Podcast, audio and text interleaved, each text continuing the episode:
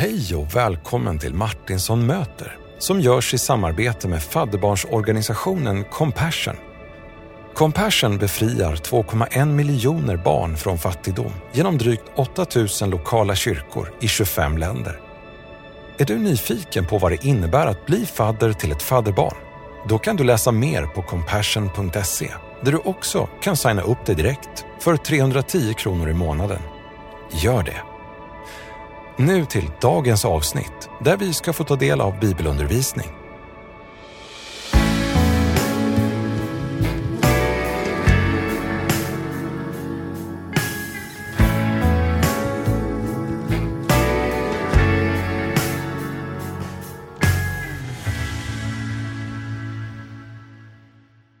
Såra vänner, välkomna till Martinsson möter, podcasten som vill vara en röst till tröst och hopp från fadderbarnsorganisationen Compassion.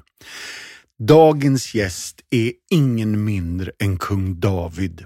Han är kanske mer känd som herdepojken Dave eller minstingen i släkten. Vi ska läsa en av hans salta salmer. Vi ska läsa sex versar i fyra veckor. De är korta, de är kärnfulla, de är kraftfulla och de har gett tvivlare tröst och de har fött tillbedjan och tacksamhet hos miljoner människor.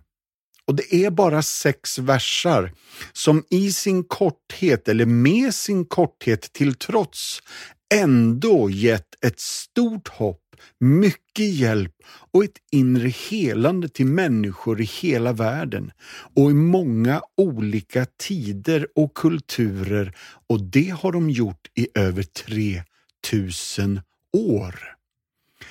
Jag vet inte om du har sett Clint Eastwoods västernfilm Pale Rider, en hårdkokt sådan från 1985.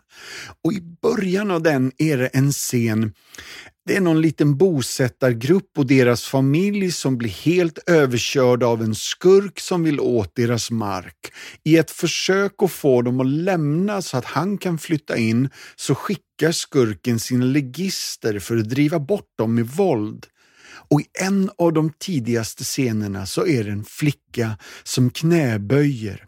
En bosättningsdotter som slätar över en smärtsam jord där hennes hund nu är begravd. Han blev dödad i attacken från de här skurkarna och ligisterna. Och medans hon ligger där på knä så ber hon psalm 23. Och så svarar hon sig själv på varje fras. Ungefär så här. Herren är min herde, mig ska inget fattas. Men jag saknar ändå. Han ger liv åt min själ, men de dödade min hund. Även om jag vandrar i dödsskuggans dal fruktar jag inget ont, men jag är rädd. Du är med mig, din käpp och din stav, de tröstar mig. Men vi behöver ett mirakel. Ja, godhet och nåd ska följa mig i alla mina livsdagar, om du existerar. Och jag ska bo i Herrens hus för evigt, men jag skulle vilja få mer av detta livet först där någonstans hör vi en av nycklarna till varför psalm 23 har blivit älskad i alla år av så många. Nu läser vi texten ifrån Gamla testamentet, 3000 år gammal text av herdepojken kung David. Rubriken är Den gode herden. En psalm av David. Herren är min herde. Mig ska inget fattas. Han låter mig vila på gröna ängar. Han för mig till vatten där jag finner ro. Han ger liv åt min själ. Han leder mig på rätta vägar för sitt namns skull. Även om jag vandrar i dödsskuggans dal fruktar jag intet ont, För du är med mig, din käpp och stav de trösta mig. Du dukar för mig ett bord i mina fienders åsyn. Du smörjer mitt huvud med olja och låter min bägare flöda över. Ja, godhet och nåd ska följa mig i alla mina livsdagar och jag ska bo i Herrens hus för alltid. Placeringen av psalm 23 är viktig att lägga märke till. Vi kommer återkomma till det. Men den följer ju psalm 22 som ibland har kallats för korsets psalm. Där finns inga gröna betesmarker, inga stilla vatten, ingen vila eller frid. Så det är först efter att vi har läst orden Min Gud, min Gud, varför har du övergivit mig? Som vi kan komma fram till Herren är min herde. Vi måste känna tyngden av blodet, offret, priset Jesus har betalt och se svärdet som har riktats mot herden innan vi verkligen kan lära känna den goda herdens själavårdande omsorg. Visste du att fåren de har dålig syn och usel balans? Det här är en sann historia som kommer nu. En vanlig torsdag eftermiddag var Eirik och Torvald och fotografen Vetle Fastrad ute i norska bergen. När Erik då ser en liten vit prick i det iskalla vattnet. Och så ser han att men du, den där pricken rör på sig. Den är levande, det är något där ute och de hittar ett får. Och de ger sig ut på uppdrag, ut på någon stock, ut bland stenar och faktiskt någon av killarna är nere i vattnet och fångar upp ett får. Eller på gränsen till ett lamm. Jag ska lägga upp bilderna på min Instagram så ni får se det här räddade fårets lite oroliga, nyvunna lycka av att vara i famnen på en av de här killarna. Salmen talar om gröna ängar. Då har ju du och jag våra referenser. När jag spelar in det här är det maj månad och allting exploderar och grönt är skönt. Men det här texten är inte skriven i norra Europa. Det är inte som hemma hos dig och mig. Det här handlar om att lita på herden i öknen, där det växer upp en tuva här och en tuva där. Någon har sagt så här, psalm 23 den är så enkel att ett barn kan fatta, men den är ändå så djupt så att teologerna drunknar. Kejsar Augustus han kallade psalm 23 för martyrernas hymn för att så många av just martyrerna högläste den vid sin avrättning. Den är 3000 år gammal och den tröstade dem och den tröstar oss fortfarande. Jag vill bara inleda med fyra lite övergripande frågor kring herdetanken. Varför ska jag just välja Herren som min herde?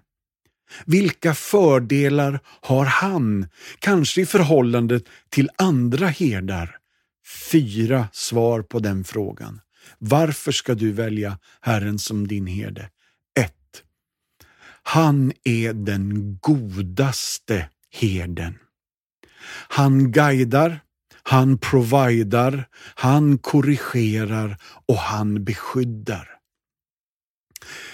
Bilden är ju att du och jag är ett får och vi kommer aldrig klara oss genom livet på egen hand.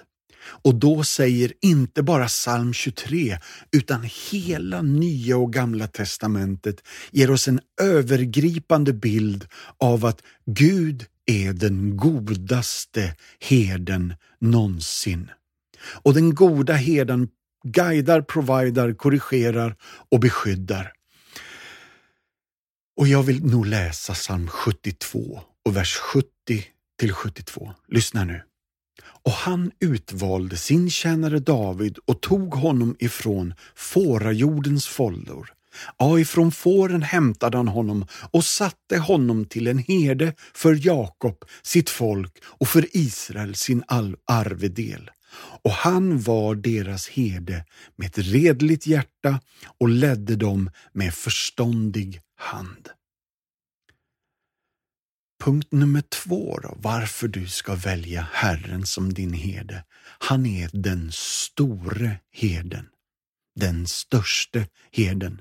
Lyssna på Hebreerbrevet 13 och vers 20. Må fridens Gud, som i kraft av ett evigt förbundsblod har fört fårens store herde, vår Herre Jesus, upp från de döda. Styrka er i allt gott så att ni kan göra hans vilja. Den store heden, den störste heden. Varför ska du välja Jesus som din herde? Han är den förstfödde av de döda och han kallas för fårens stora herde.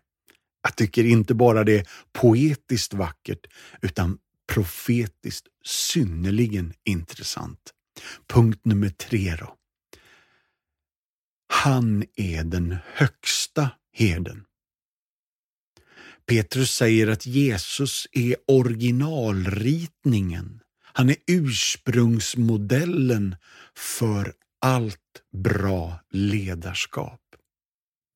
När vi hör den högste herden så tänker ju vi att det är på något sätt någon hierarkisk modell. Men lyssna hur vackert första Petrusbrevet 5 och 4 gör det.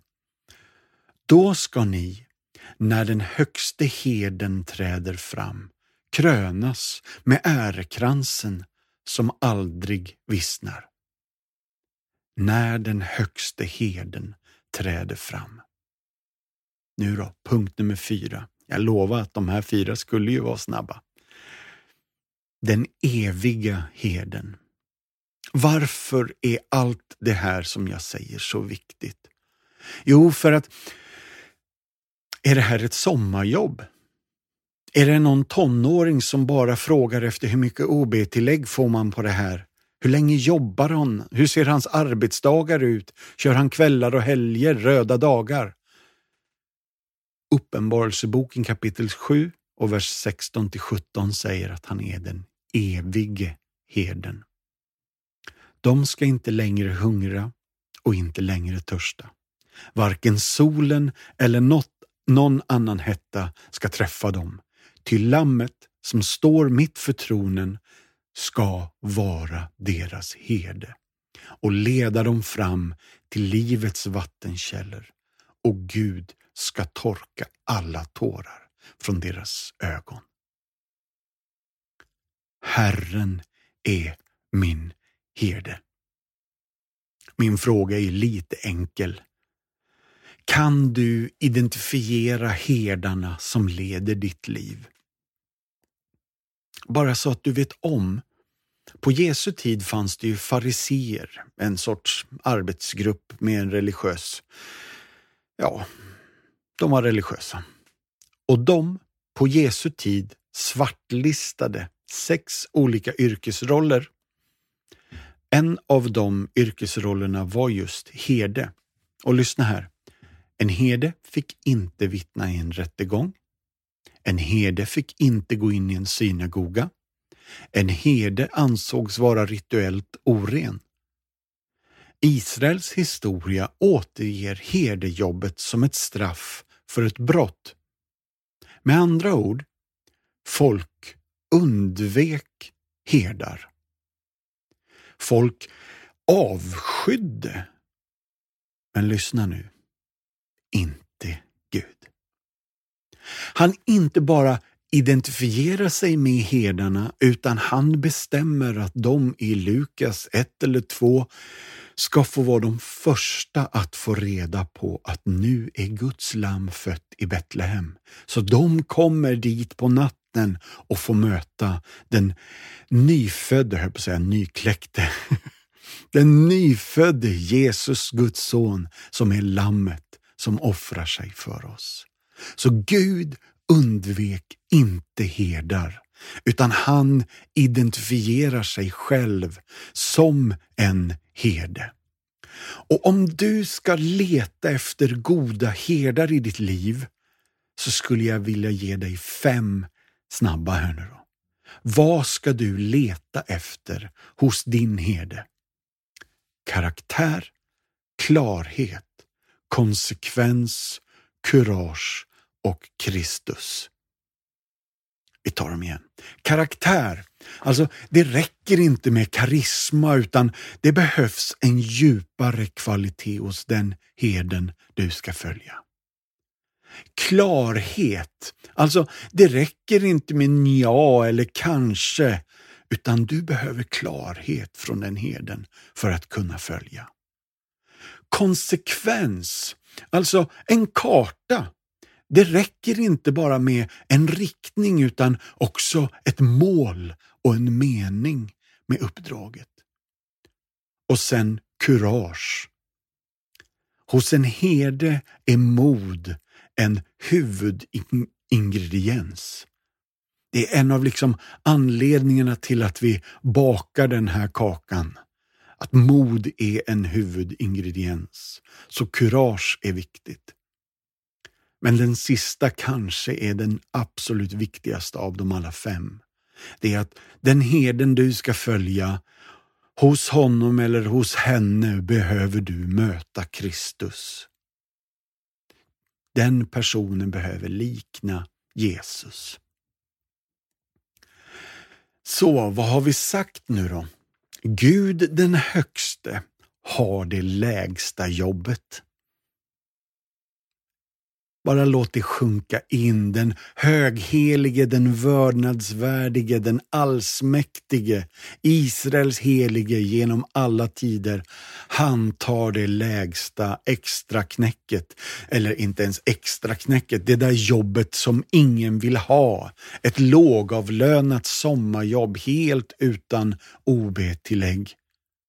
Det var Gud har liksom, eller det är vad David har målat upp för bild av Gud för oss. Att den högste kliver lägst ner och ni hör ju Filippe brevet 2 och Jesu exempel. Den här herden kommer inte fixa allt vi vill ha, men han kommer att leda oss till allt vi behöver.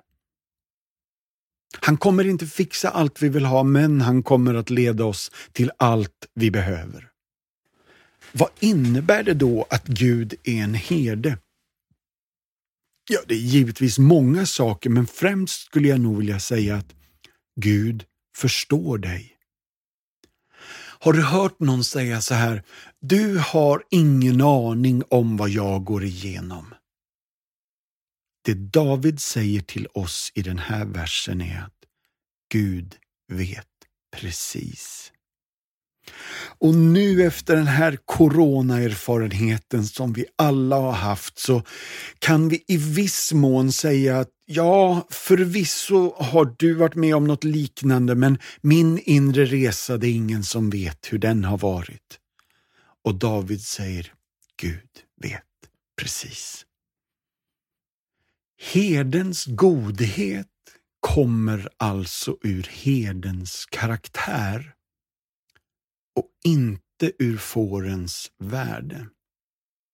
Det betyder inte att fåren är värdelösa. Hör mig rätt här. Det är jätteviktigt. Därför att herdens godhet kommer ur hans egen karaktär. Så Guds kärlek flödar ut ur hans person inte min kämparkraft eller kamp eller kramp. Med andra ord, vi behöver inte se ut som Lambi för att herden ska älska oss. Det är gött va? Så Guds kärlek flödar ur hans person. Där jag finner ro, Den kristna vilan är inte inte en plats, utan en person. Det är inte bara så att Gud är den perfekta vårdaren. Han är också den ultimata källan till frid, vila och ro.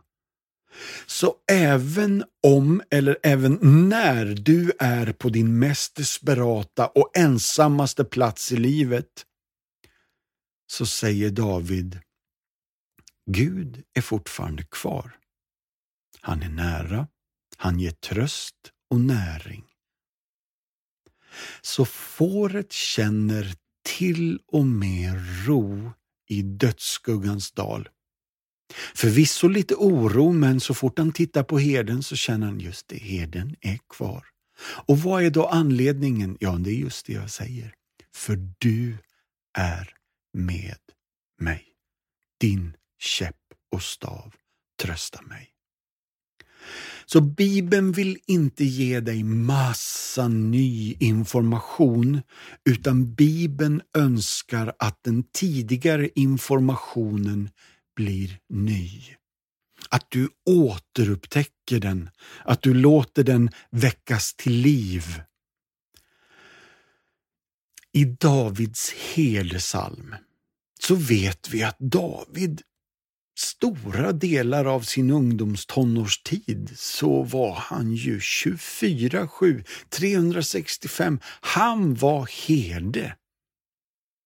Och nu har han blivit ett får. Och så har Herren blivit hans herde. I Gamla testamentet så blev ju Israels synder tillfälligt försonade genom offret av ett lamm. Och profeten Jesaja talade om den här kommande frälsaren som ett lamm som skulle lida för mänsklighetens synder. Och i Jesaja 53 får vi tydliga bilder av det här lammet som slaktas i vårt ställe. Och notera att Jesaja är skriven vad är det, 750 år före Kristus och kung David skrev den här salmen tusen år innan Jesus var född i Betlehem. Ändå är det så att när, när Johannes evangeliet inleds, så i kapitel 1 och vers 29 säger Johannes Nästa dag såg han Jesus komma och han sa Där är Guds lamm som tar bort världens synd. Så redan i första Mosebok 22 så ser vi bilden av att ett lamm offras istället för en man. Det är när Abraham ska offra Isak och vi hinner inte fördjupa oss i det. Men det är en dramatisk text, minst sagt. Men ett lamm för en man. I Andra Mosebok kapitel 12 så har vi ett lamm för en familj. Den första stora påskmåltiden alltså där man strök lammets blod på dörrposten och familjen var därmed beskyddad. Och sen har vi tredje Mosebok kapitel 16 där vi ser hur ett lamm offras för hela nationen. Märker ni här att det blir större och större?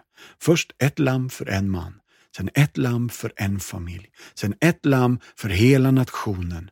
Och i Johannes 1 och 29 som vi läste nu så ser vi att här kommer ett lamm för hela världen. Och i Uppenbarelseboken 4, 5 och 7 så har vi ett evigt lamm som regerar i hela universum. Och det är därför de sjunger Värdigt är Guds lamm. Mig skall inget fattas. Om jag har rätt herde så saknar jag inget. Men om jag har fel herde så saknar jag allt. David vet ju då av egen erfarenhet att fårets öde hänger på vem som äger fåret och vad för slags människa det är. Mig skall intet fattas säger texten. Alltså, Herren är min herde och han hjälper mig att se skillnaden på mina behov och mina begär. Mina begär de kan ju vara jättestora, ja oändliga om jag ska vara ärlig. Men mina behov, de är ganska grundläggande. Och det är där Herren säger, mig ska inte fattas. Så Augustinus sa tidigt, om Herren är min herde, ja, då har jag ingen egentlig grund kvar att lita till mig själv. Men om jag lämnar herden, då saknar jag beskydd. Beskydd emot tjuvar, rånare, lejon, björn, solsting och torka och till och med bara sådana där små löjliga flugor som kan krypa in i näsan. Bara de kan bli livsfarliga om jag lämnar herden. Så då är frågan, 2021 så har ju folk följare på Twitter, de är friends på Facebook, men det här att vara känd av herden, David menar det här är något helt annat. Jag skaffade Twitter för att jag hörde att sången i Youtube, han heter Bono, han hade tydligen ett Twitterkonto. Jag kände ju inte honom, jag bara stalkade honom. Men den här texten säger Herren känner mig och han känner dig. Låt det sjunka in idag. Jag ger ett exempel till bara för att skämma ut mig lite grann. En av mina favoritpredikanter heter Tim Keller. Första gången som jag fick höra honom predika live, då var jag minst sagt exalterad och imponerad och aningen starstruck. Jag känner till lite grann om Tim, men han känner inte alls mig. Dock så finns ju Tim också på Twitter och en fredagkväll så öppnar han upp en timme för att svara på allas frågor. Så även på min. Jag blev överlycklig och gjorde snabbt en skärmdump och somnade sent med ett leende på läpparna. Ett stort leende. Och på frukosten så försökte jag få familjen att förstå storheten i detta, men ingen var med mig. Men lyssna här. Herren känner dig på riktigt. Och det är faktiskt anmärkningsvärt att den allsmäktige guden som är överallt väljer att kliva ner i allt och kalla sig vår herde. I Israel, liksom i andra forntida samhällen, så betraktades en herdes arbete som det lägsta av alla arbetsfunktioner. Om en familj behövde en herde så var det alltid yngsta sonen, till exempel David, som fick denna obehagliga uppgift. Men Gud allhärskaren Jehova har alltså valt att vara vår herde, säger David. Universums Gud har böjt sig ner för att bara ta hand om och vårda om dig och mig. Han låter mig vila på gröna ängar. Får äter stående och vilar liggande och får är av naturen lite rädda av sig, så de lägger sig bara ner när de känner frihet från, lyssna nu, fruktan, spänningar, irritationer och hunger. Och alla de här punkterna är helt avhängiga hur heden gör sitt jobb. Så fåren behöver egentligen inte själva hålla reda på de gröna ängarna och de lugna vatten. Det räcker för fåren att hålla sig nära herden. Philip Keller som har skrivit boken om psalm 23, han är både pastor och författare men i åtta år var han också herde och han säger det är nästan omöjligt att få får att ligga ner om inte de här kraven uppfylls. Keller förklarar att att få får att ligga ner, då måste de här fyra sakerna vara på plats. Så på grund av sin oro så vägrar får att ligga ner om de inte är fria från all fruktan. Och får kommer heller inte ligga ner om de inte är friktionsfria med de andra fåren i flocken. Och fåren kommer heller inte komma till ro om de plågas av flugor eller parasiter. Och den här punkten måste vi komma tillbaka till när vi läser texten Han smörjer mitt huvud med olja. Och fyra då. Får kommer inte att ligga kvar om de inte har hittat mat. Det måste finnas frihet från rädsla, friktion, flugor och hungersnöd innan fåren kommer att lägga sig ner. Han leder mig på rätta vägar eller lätta vägar. Ta inte genvägar, då faller du. Fantisera med mig här. Om du tänker dig ett stort berg i Israel. Så den snabbaste vägen det hade ju varit att gå rakt upp på toppen. Men bergen är så branta och fåren är så vingliga. Så för att ta sig uppåt måste de snurra sig uppåt. Och de måste också snurra sig neråt längs med hela berget. Och du som har varit i Israel vet och ser att bergen ibland är helt randiga längs vägen därför att stigarna går runt, runt som i cirklar. Det här är de rätta och rättfärdiga vägarna. Min fru Therese och jag var i USA för några år sedan och vi fick låna en van och vi åkte upp i urskogen utanför San Francisco.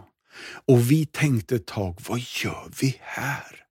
Varför ska vi kämpa oss igenom de här tråkiga, snåriga, oländiga skogarna? Inte förrän vi kom ut ur skogen förstod vi varför. Vi kom fram till Yosemite National Park. Och till denna dag så är det en av de vackraste utsikter jag sett. En av de skönaste platserna jag har varit på. Och har du sett Youtube-klippen när folk står och ska förklara skönheten men de bara går över i tårar och gråter? Det är känslan att komma fram där. Men jag skulle bara vilja ta det här med rättfärdighet en vända till.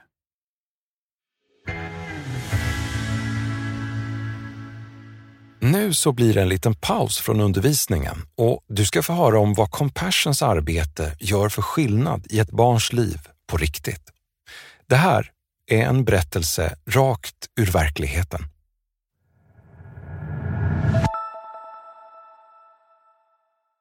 Nu skulle jag vilja ta med dig ut i Compassions arbete i fält och jag vill göra det med psalm 23. Och det är tioåriga Julius i Kenya som har en speciell relation till de här orden. Hans berättelse om överlevnad visar hur vår medkänsla för andra och hur kraften i bön kan förvandla liv för tid och evighet.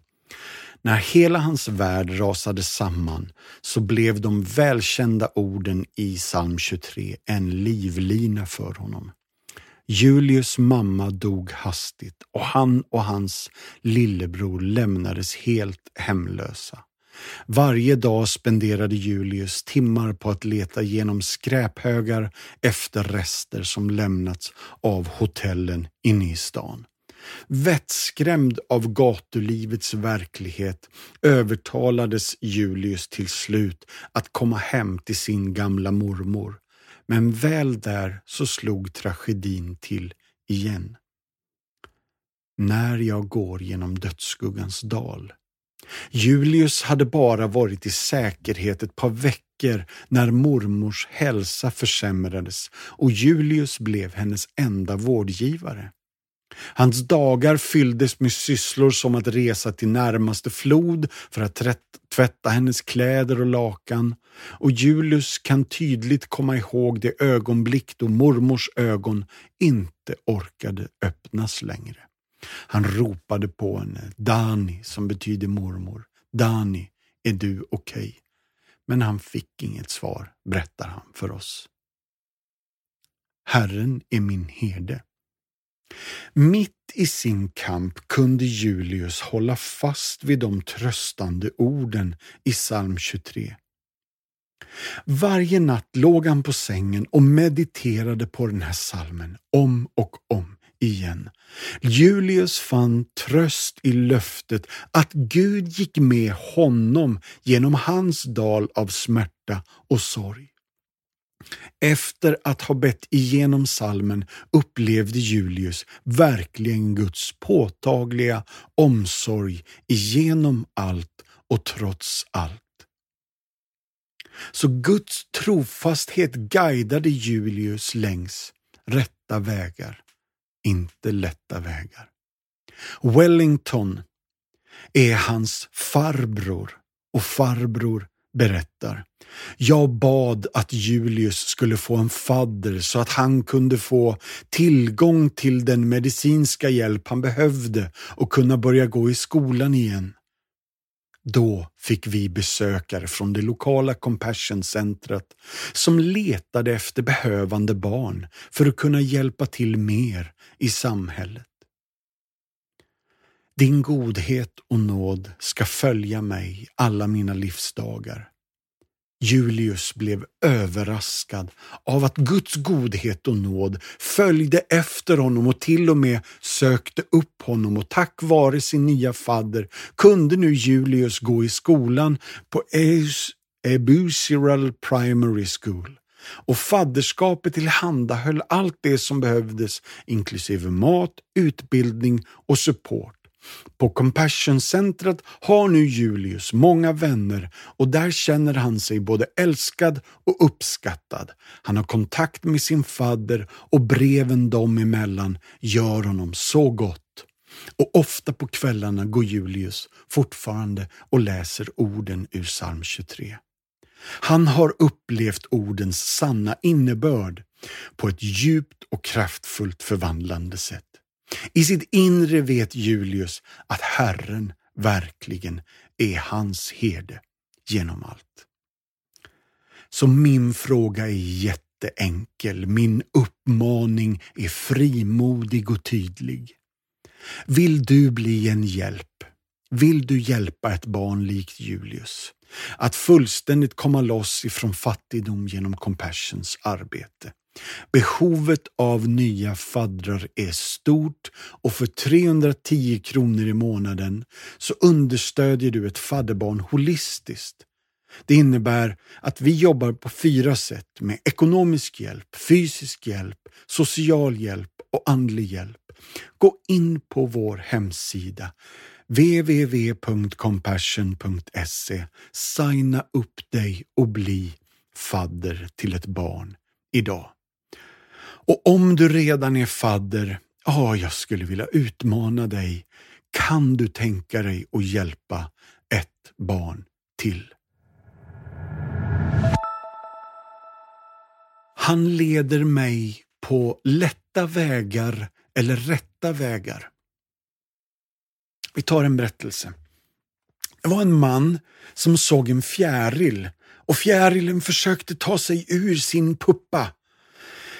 Det verkade så svårt så mannen bestämmer sig för att hjälpa fjärilen. Han tar en kniv och öppnar försiktigt på puppan så att fjärilen ska ta sig ut. Men istället för att börja flyga mot himlen så faller fjärilen ner på marken. Hans vingar är för svaga. Så kampen mot puppan skulle ha tränat fjärilen och gjort den så stark att den kunde flyga. Kampen var i en mening nödvändig och så kan det också vara i våra liv.